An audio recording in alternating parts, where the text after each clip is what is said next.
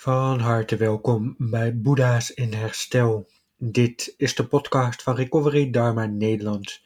En tijdens deze podcast hebben we het over herstel van verslaving en hoe we daarbij de boeddhistische beoefening en haar principes inzetten. In deze aflevering luister je naar een lezing uit het boek van Recovery Dharma, waarbij onze leden steeds een hoofdstuk of een deel van een hoofdstuk voorlezen. Deze lezingen zijn onderdeel van een groter project om het boek om te zetten in een luisterboek. Wil jij graag bijdragen door ook een stukje uit ons boek voor te lezen, maar weet je niet hoe of welk hoofdstuk? Neem dan vooral contact op via onze website. Op deze manier kunnen we het samen mogelijk maken dat het boek niet alleen te lezen is, maar ook te beluisteren. Van harte uitgenodigd. Maar nu eerst de lezing. Zuivere inspanning. Zuivere inspanning is de eerste van de concentratiegroep. Dit betekent dat we ons concentreren op hoe we ons inspannen voor ons begrip, herstel en onze ontwaking. Zuivere inspanning is niet gebaseerd op hoeveel we zouden moeten mediteren, op hoeveel service we zouden moeten doen of hoeveel tijd we in gezonde activiteiten steken. In plaats daarvan is het onze intentie om gebalanceerde energie te besteden aan het ondersteunen van andere onderdelen van het pad, met name aan wijsheid. Het eerste waar we op kunnen letten is het vermijden van situaties en gemoedstoestanden die kunnen leiden tot ongezonde, onzuivere of schadelijke reacties.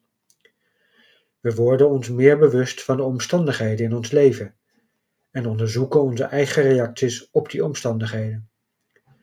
Als we handelen vanuit hebzucht, onwetendheid, verwarring of vanuit de gedachte dat we kunnen krijgen wat we willen, kunnen we ons daar bewust van zijn. We proberen te begrijpen door welke situaties deze omstandigheden ontstaan en beginnen afstand te nemen van onze onzuivere reacties hierop. Energie of inspanning is ook gewijd aan het laten ontstaan van compassie, liefdevolle vriendelijkheid, vrijgevigheid en vergeving als deze niet aanwezig zijn. Als we merken dat we met woede reageren in plaats van met compassie, met angst in plaats van met vrijgevigheid, met schuld in plaats van met vergeving, kunnen we onszelf vragen hoe we zouden reageren als deze positieve factoren wel aanwezig zouden zijn en beginnen dan vaardiger te reageren. Hard voor onszelf zijn, onszelf pijnigen en lijden naar perfectionisme zijn allemaal bekende gevoelens tijdens verslaving en herstel.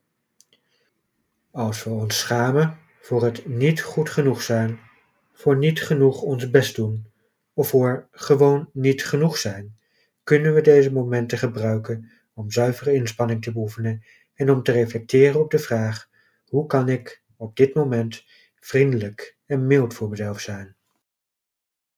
In vroeg herstel zijn we misschien het meest geïnteresseerd in schadebeperking. Simpelweg stoppen met de verwoesting en de demoralisatie die we hebben geleden door onze gebruikelijke, onvaardige reacties op verlangen. We kunnen beginnen met de bewustwording van dit verlangen en kunnen ons leren om andere keuzes te maken die dit verlangen niet triggeren. Soms is bewustwording voldoende. Soms is dat alle inspanning die we kunnen leveren. Wanneer we vaardiger beginnen te handelen in reactie op onze triggers, krijgen we meer ruimte voor compassie, liefdevolle vriendelijkheid, vrijgevigheid en vergeving. Wanneer deze beoefening een gewoonte wordt, beginnen gelijkmoedigheid en vredigheid onze gewoontes van hebzucht en egoïsme te vervangen. Een juist tempo, door periodes van activiteit en rust af te wisselen, is belangrijk. We moeten ons bewust zijn van wat onze geest, emoties, lichaam en herstel op dit moment aankunnen en overbodige stress door het pushen van onszelf voorkomen. We kunnen de dingen vermijden die onzuivere gemoedstoestanden veroorzaken en proberen om dingen te doen die ons in een kalmere staat van zijn brengen.